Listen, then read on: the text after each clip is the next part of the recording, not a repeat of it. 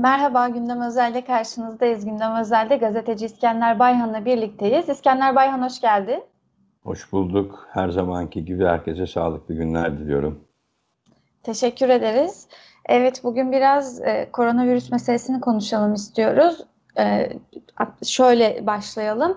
E, dün akşam e, bilim kurulu toplantısının ardından Fahrettin Koca, Sağlık Bakanı Fahrettin Koca çeşitli açıklamalarda bulundu. E, bu açıklamalarda epey merak edilen ve tartışılan meseleler de oldu. Biraz onları yorumlamanı isteyeceğim. Bir kere en çok tartışılandan başlayalım istiyorum. Hem anlaması zordu e, hem de aslında tüm halkın da kendini kandırılmış hissetmesine sebep olan meselelerden birisi şu sayıların açıklanması. İşte salgının ilk yani pandeminin ilk döneminde önce işte vaka sayısını açıklıyoruz dediler. Günlük vaka sayısını açıklıyoruz dediler. Sonra bir anda pandeminin ortalarında vaka sayısını açıklamayacağız artık. Günlük hasta sayısını açıklayacağız dediler ve böyle sayılar e, sürekli gitti geldi değişti. Haliyle sadece hasta sayıları açıklanınca sayılar düşük göründü. İşte bütün bir yazıda böyle geçirdik aslında. Elbette bu insanlarda da bir yani acaba işte e, geçiyor mu bu iş ya da azaldı mı bulaşı duygusu da e, merakı da uyandırdı. Ancak işte son zamanlarda son bir aydır yaklaşık bir aydır e, işte yeniden salgının arttığı, yeniden dikkatli olunması gerektiği, durumun ciddileştiği söylenmişti ve çeşitli önlemler de alınıyor. E, ya da alındığı söyleniyor işte hafta sonları kısıtlamaları olmak üzere. Şimdi dün akşamki mesele şu, e, Sağlık Bakanı dedi ki biz artık e, o işte tabloda e, açıkladığımız, her gün açıkladığımız tabloda yeniden günlük vaka sayılarını açıklamaya başlayacağız dedi. E, ve işte dün e, açıkladı. Dünkü vaka sayısını 28.351 olarak açıkladı. Elbette bu epey tartışmalara sebep oldu. Çok yüksek bir rakam. E, şimdi buradan ne anlamamız gerekiyor? Yani şu an aktif olarak Türkiye'de 28.351 kişi koronavirüs mü? Böyle mi anlamamız gerekiyor? Şimdi bu bu turkuaz tablo konusu gerçekten e, salgın kadar Türkiye'nin baş belası olan bir konu oldu yani. Sağlık Bakanlığı'nın salgının başından beri bir turkuaz tablosu var ve bu turkuaz tablo sürekli bir şekilde şu veya bu gerekçeyle e, yeni unsurlar katılarak, bazıları çıkarılarak, bazı değişikliklerle hep bir tartışma konusu haline geldi. Bunun temel nedeni e, aslında e, hükümetin bu e, gerek vaka sayısı, gerek hasta sayısı ve gerekse de e, ölüm yaşanan ölümlerin sayısında ki e, düşüklüğü salgınla mücadelede başarının ölçütü olarak görmesinden kaynaklandı ve hep bunun içinde, hep bu tabloda bir e, kimi zaman e, istatistik ve veri e, e, alanlarını değiştirerek, kimi zaman da e, işte biz vaka sayısını değil hasta sayısını işte son zamanlarda yaptığı gibi açıklayarak e, tabloyu oluşturuyoruz gibi gerekçelerle e, izah etmeye çalıştı bakan ama e, esas olan, gerçek olan şuydu ki e, biz salgının başından beri Türkiye'de e, kaç kişi e, pozitif vaka, kaç kişi hasta, kaç kişi bulaş durumunda, kaç kişi karantinada sorularının yanıtını bir türlü net olarak öğrenemedik. Dün akşam olan da aslında son zamanlarda artık Sağlık Bakanlığı'nın turkuaz tablosuna olan güvenin iyice yerlere sürünmesiyle, yerlere düşmesiyle birlikte bir yeni bir e, bence güven tazeleme adına yeni bir hamle daha e, yaptı Sağlık Bakanı. Çünkü e, o da artık farkında ki turkuaz tablodaki verileri e, eskisi gibi dikkatle bile takip etmiyor e, yurttaşlar. Ve e, bunun en temel nedeni de o turkuaz tablonun e, gerçekleri gösterme açısından ki itibar kaybıydı. Şimdi bir hamle yaptı ve e, artık biz e, pozitif vaka sayılarını da açıklayacağız dedi. E, çünkü epeyce bilim çevrelerinden de bu vatandaştaki ikna ediciliğe bir de bilim çevrelerindeki tepkiler de e, yer almaya başladı. Çünkü e, bir kere işin esasına dair bir tartışma ortaya çıktı. Bilim çevreleri dediler ki ya siz nasıl hasta ne vaka ne yani virüse yakalanan hastadır zaten. Yani testi pozitif çıkan hastadır yani. Bu şuna benziyor. Yani siz gripsiniz ama hastaneye yatmayınca hasta olmuyorsunuz. Yani gribe yakalanmışsınız ya da e, günlük fonksiyonlarınızı etkileyecek kadar ateşiniz yüksek değilse, evde yatalak halde değilseniz, evde kalıp dinlenmeniz gerekmiyorsa hasta değilsiniz gibi bir e, şey de ortaya çıktı yani bir yaklaşım ortaya çıktı. Kimi hasta kabul ediyorsun, kimi etmiyorsun gibi bir şey bizi yanıltıyor ve önümüzü göremiyoruz diye e, bir tepki ortaya çıkınca bu kez bence şimdi yeniden turkuaz tabloda bir güvenilirlik oluşturabilmek açısından bir vaka e, sayısı açıklandı. Ama öyle bir noktadayız ki e, bu rakamlar bile artık kimse açısından ikna edici görünmüyor. Yani neredeyse Sağlık Bakanlığı ve hükümet öyle bir noktaya getirdi ki bu turkuaz tablo ve rakamlar konusunda artık ağzıyla kuş tutsa vatandaş inanmayacak yani bu e, rakamlara. Bunun sebebi de kendisidir yani. Böyle bir durumun ortaya çıkmasının sebebi de yine kendisidir. Sağlık Bakanı ve hükümetin izlediği politikalardır.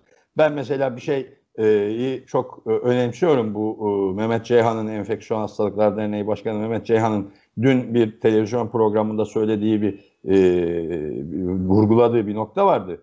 E, bence o çok önemli bir noktaydı. E, Mehmet Ceyhan diyor ki yani e, bilim kurulunun açıklamaları mesela bilim kurulu toplantısının sonuçlarından ne bekliyorsunuz diye soruluyor. Diyor ki hiçbir şey beklemiyorum. Çünkü bilim kurulu toplantılarının sonuçları bizimle paylaşılmıyor ki. Bilim kurulunun sonuçları bir üst yetkili makama gidiyor.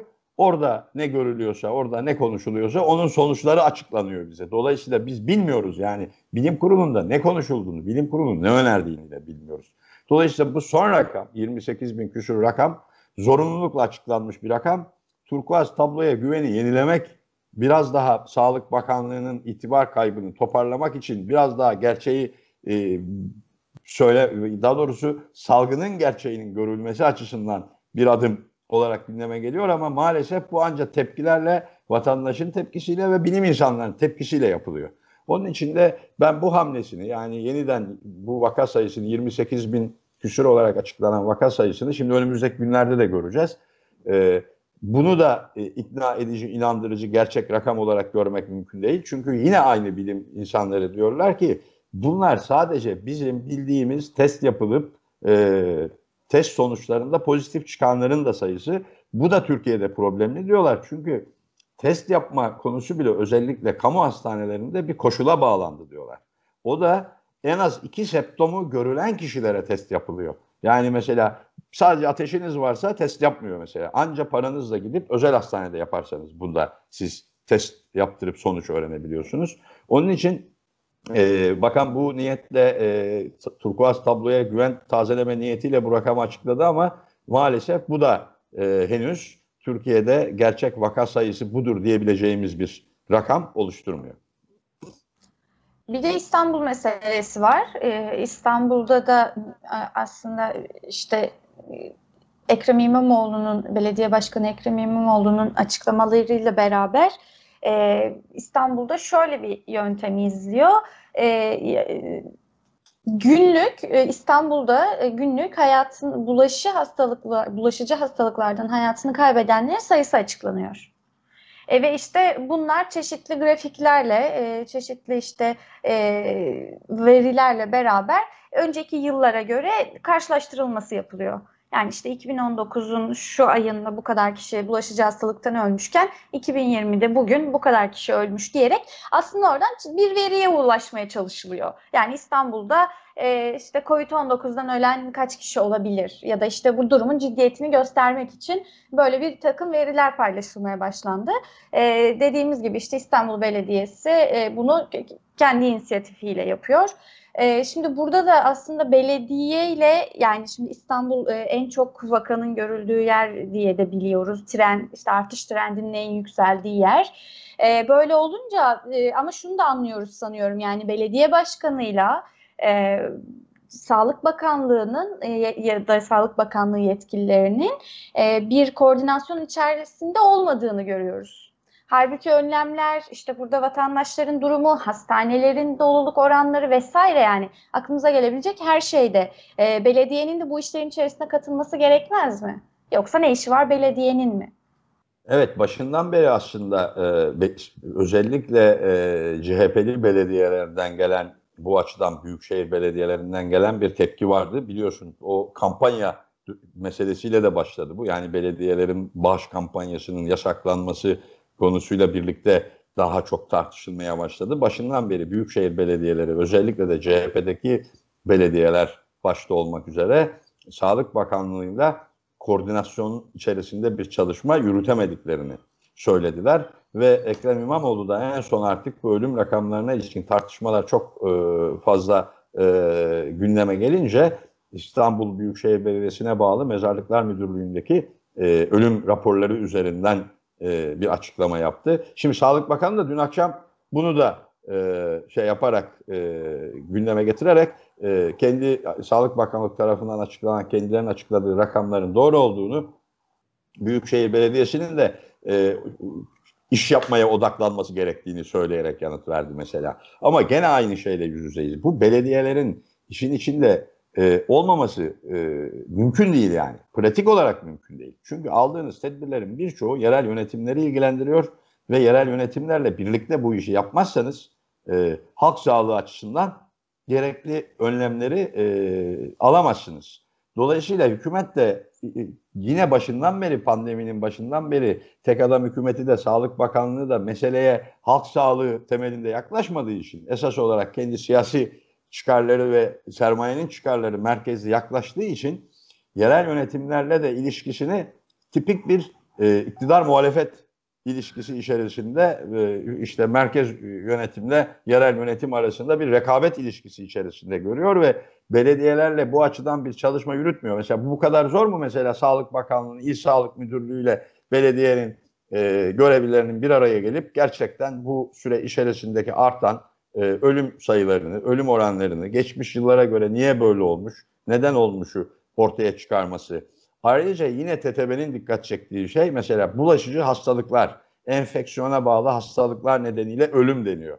Şimdi Bakan Koca diyor ki e, bu zaten diyor e, genel olarak hasta kayıtları ve ölüm kayıtları böyle düzenlenir diyor. Burada bir mesele yok ya ama soru şu. Ya gerçekten Covid nedeniyle Covid-19 salgın nedeniyle ölen insan sayısı göre belirliyoruzu bilim insanları da kamuoyu da halk da bilmeli ki gerçeği ne kadar iyi somut görürlerse işin ciddiyetini de o kadar iyi kavrarlar diyor. Şimdi sen belediyeyi dışlayarak, e, belediyeyi rakip görerek bu işi yapmaya çalışırsan e, o zaman tabii ister istemez e, büyük belediyeler sen işini bak der, işine bak dersin. E, o da kalkar der ki ben de işime bakıyorum, benim işim. Sonuçta bu e, işim olmayan bir şey yapmıyorum ki yani. Toplu taşımadan tutun da değil mi kentlerdeki belli kısıtlıklar kısıtların düzenlenmesine kadar e, bunlar belediyeleri de ilgilendiriyor. Dolayısıyla belediyeleri siz dışa atarak bu işi çözemezsiniz. Yine geliriz başa aynı şeyle karşılaşırız meseleyi ne, ne olarak göreceksiniz? Yani halk sağlığı ve halk sağlığı için alınması gereken tedbirler olarak mı göreceksiniz? Yoksa bir salgın var. Bu salgın bizim sağlık sistemimizi ciddi anlamda yıkabilir ve bu da hükümeti ciddi anlamda zora sokup başarısız gösterebilir. Dolayısıyla buna bir formül bulup bütün meseleleri esas olarak bunu gözeterek açıklayalım. Ve tabii bu arada da sermayenin ihtiyaçlarına esas olarak yanıt verelim gibi bir tutumla mı hareket edeceksiniz? E, o zaman tabii belediyeyi de ciddiye almazsınız ya da belediyeleri de bu açıdan e, rakip olarak görürsünüz. Peki şimdi bu meseleyle ilgili TTB'nin de elbette e, açıklamaları oldu. E, bir kere zaten özellikle e, dün, dün akşamdan sonra e, sosyal medyada da şöyle tartışıldı. İşte TTB'den özür dilemelisiniz diyerek. Çünkü TTB bu rakamların gerçeği ifade etmediğini açıkladığında, günlük vaka sayılarının e, çok e, yüksek olduğunu açıkladığında sürekli hedef haline getirildiler. İşte hatta e, pandeminin e, ilk zamanlarında Bahçeli tarafından TTB kapatılmalıdır e, diye de bir tartışma e, başlatılmıştı. E, şimdi bir yandan e, TTB de e, yani elbette çeşitli açıklamalar yaparken Şebnem Korur Fincancı da gazetemize konuştu aslında e, dün akşam. E, oradan bir şey sormak istiyorum sana. E, şimdi şuna dikkat çekiyor e, Fincancı. Diyor ki yani şimdi açıkladıkları e, ve tekrar vakaları açıklamaya dönmeleri ve tabloda değişikliğe gitmeleri yönetemediklerinin açık itirafı durumunda artık diyor. E, ve şöyle de bir ekleme yapıyor. Diyor ki demokratik bir ülkede böyle bir durumda hükümet topluca istifa eder diyor. Hani değil Sağlık Bakanı hükümetin topluca istifa etmiş olması gerekirdi diyor.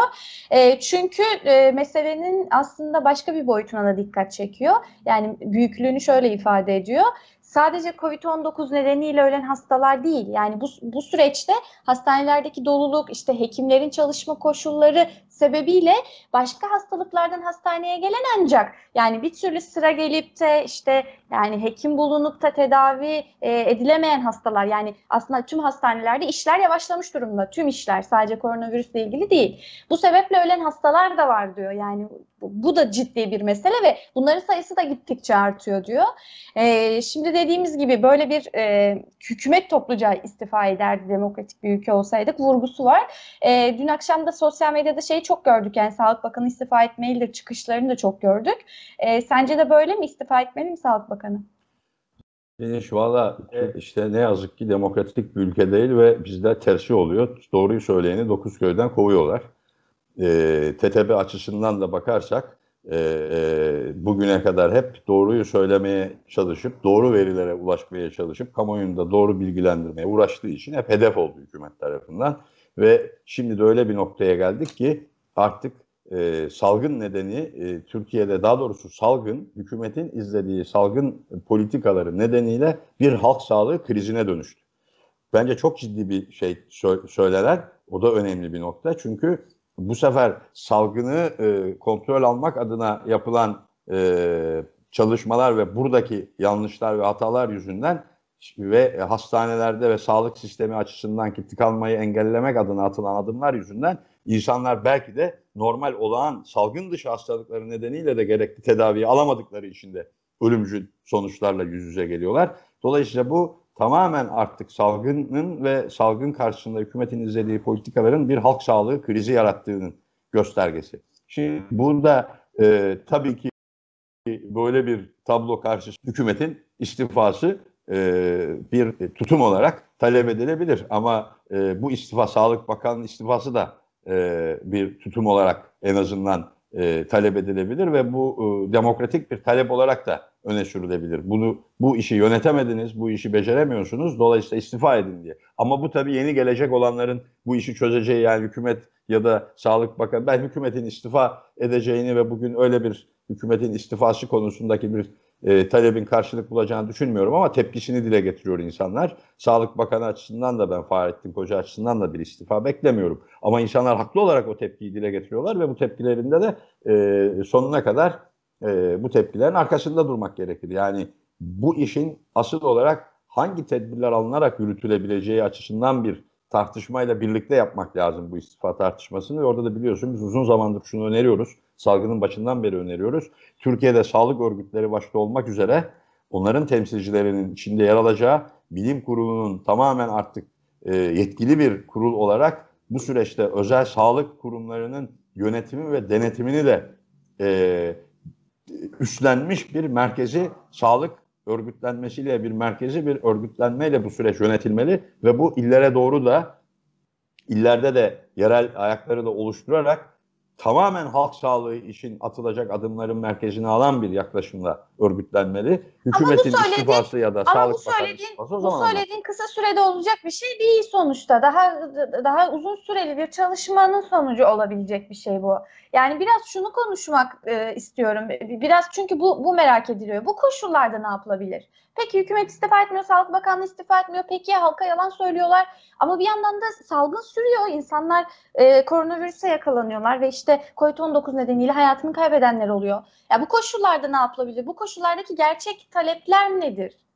Şimdi bu olmadan o gerçek taleplerin hiçbir muhatabı olmuyor. Yani bunu yapmazsanız yoksa taleplerini dile getiriyor insanlar değil mi? Mesela TTB de bunu söylüyor ama bırakalım bu birçok iş yerinde mesela fabrikada işçiler bile, sendikalarda mesela en azından bu meseleye duyarlı sendikalar, sendika yönetimleri bile hepsi alınacak tedbirleri sıralıyorlar mesela değil mi? Vardiya saatlerinin düzenlenmesinden tutalım da zorunlu çalışması zorunlu olan iş kolları dışında ki bütün iş kollarında üretime ara verilmesine, iki hafta veya dört haftalık tam bir kapanmaya gidilmesine ve bunun için ihtiyacı olan işçi ve emekçilere e, sosyal destek verilmesine kadar da esnafın e, desteklenmesinden bu süre içerisindeki faturaların e, doğalgaz, elektrik, su faturalarının devlet ve yerel yönetimler ve hükümet tarafından, merkezi hükümet tarafından ödenmesine kadar çok somut talepler öne sürüyorlar. Ama bunun yapılabilmesi için de e, ya hükümet bunu yapacak ya da gerçekten böyle bir sağlık e, salgınla mücadeleyi böyle bir örgütlenmeye teslim edeceksiniz Oraya güveneceksiniz, onlara vereceksiniz ve onların dediklerini yapacaksınız. Başka türlüsü yani bunlar olmadan böyle bugün e, yapılabilecek acil şeyler maske, mesafe, temizlik oluyor. Geriye kalan bu yani. Başka Evet. da bir şey formül çıkmıyor ortaya. Ama yani. sendikaların bunu yapabilme imkanları var. Yani harekete geçirebilme imkanları var. Ha bunu yapıp yapmadıkları bir tartışma konusu aslında bir yandan. Yani yapabilir tüm bu taleplerinin dile e, getirip aynı zamanda bu taleplerin gerçekleşmesi için yapabileceği pek çok şey var. İşte grev yapar, kendini fabrikaya kapatır, yola çıkar, çıkar başka bir sebeple Ankara'ya yürür, yapar yani bir şeyler yapabilir sonuçta.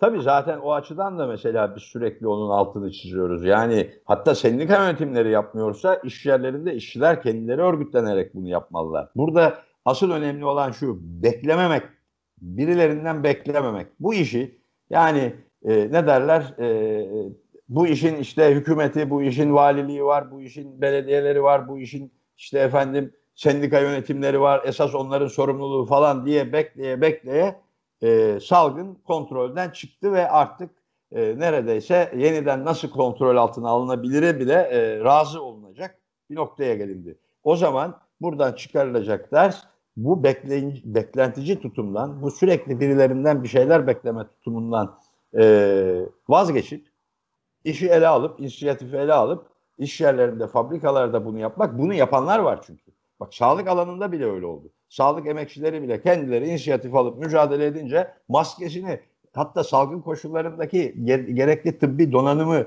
e, korunma e, donanımları için gerekli malzemeleri bile ancak mücadele ederek, örgütlenerek, talep ederek elde ettiler. Bu belki de en e, gerçekçi yöntemlerden birisi bu. Yani çünkü artık halk sağlığı meselesi e, örgütlülük sorunu haline geldi yani. Dolayısıyla ne kadar örgütlüyseniz o kadar. Hatta istatistikler de bak bunu gösteriyor.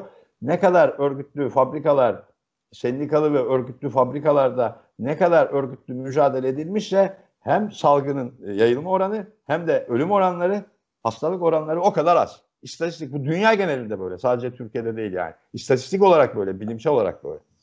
Evet. Peki bu konuyla ilgili kısa bir şey daha sormak istiyorum. Sonra değiştireceğim. Ee, merak edilen meselelerden bir tanesi. e, dün e, bakana da yani önlemlerin artıp artmayacağı konusunda sorular soruldu. E, merak edilenlerden bir tanesi sokağa çıkma yasağı uygulanacak mı, uygulanmayacak mı kısmıydı. E, önümüzdeki bir, birkaç hafta daha bakacağız duruma göre karar vereceğiz dedi Sağlık Bakanı.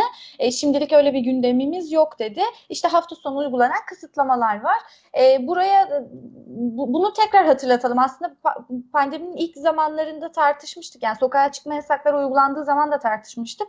Sokağa çıkma yasağı e, gere doğru mu değil mi, çözer mi çözmez mi meseleyi diye konuşmuştuk. Tekrar yavaş yavaş gündemimize geliyor. Onu hatırlatmakta yarar var diye düşünüyorum. Bir sokağa çıkma yasağı yani pandemiyi e, azaltmak, önlemek açısından bir sokağa çıkma yasağı savunulmalı mı? Böyle bir talep olmalı mı?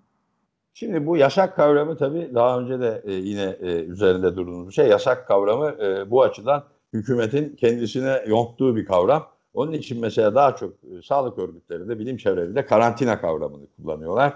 Ve onun için 14 gün ya da 28 gün bir tam karantina diyorlar buna. Yani Kapanma çünkü- Tabii kapanma ya da karantinayı kullanıyorlar. Çünkü bu yasak meselesi de şeyi kurtarmıyor. Çünkü e, siz karantina ve kapanma dediğinizde bunun sosyal boyutlarını da gündeme alıyorsunuz.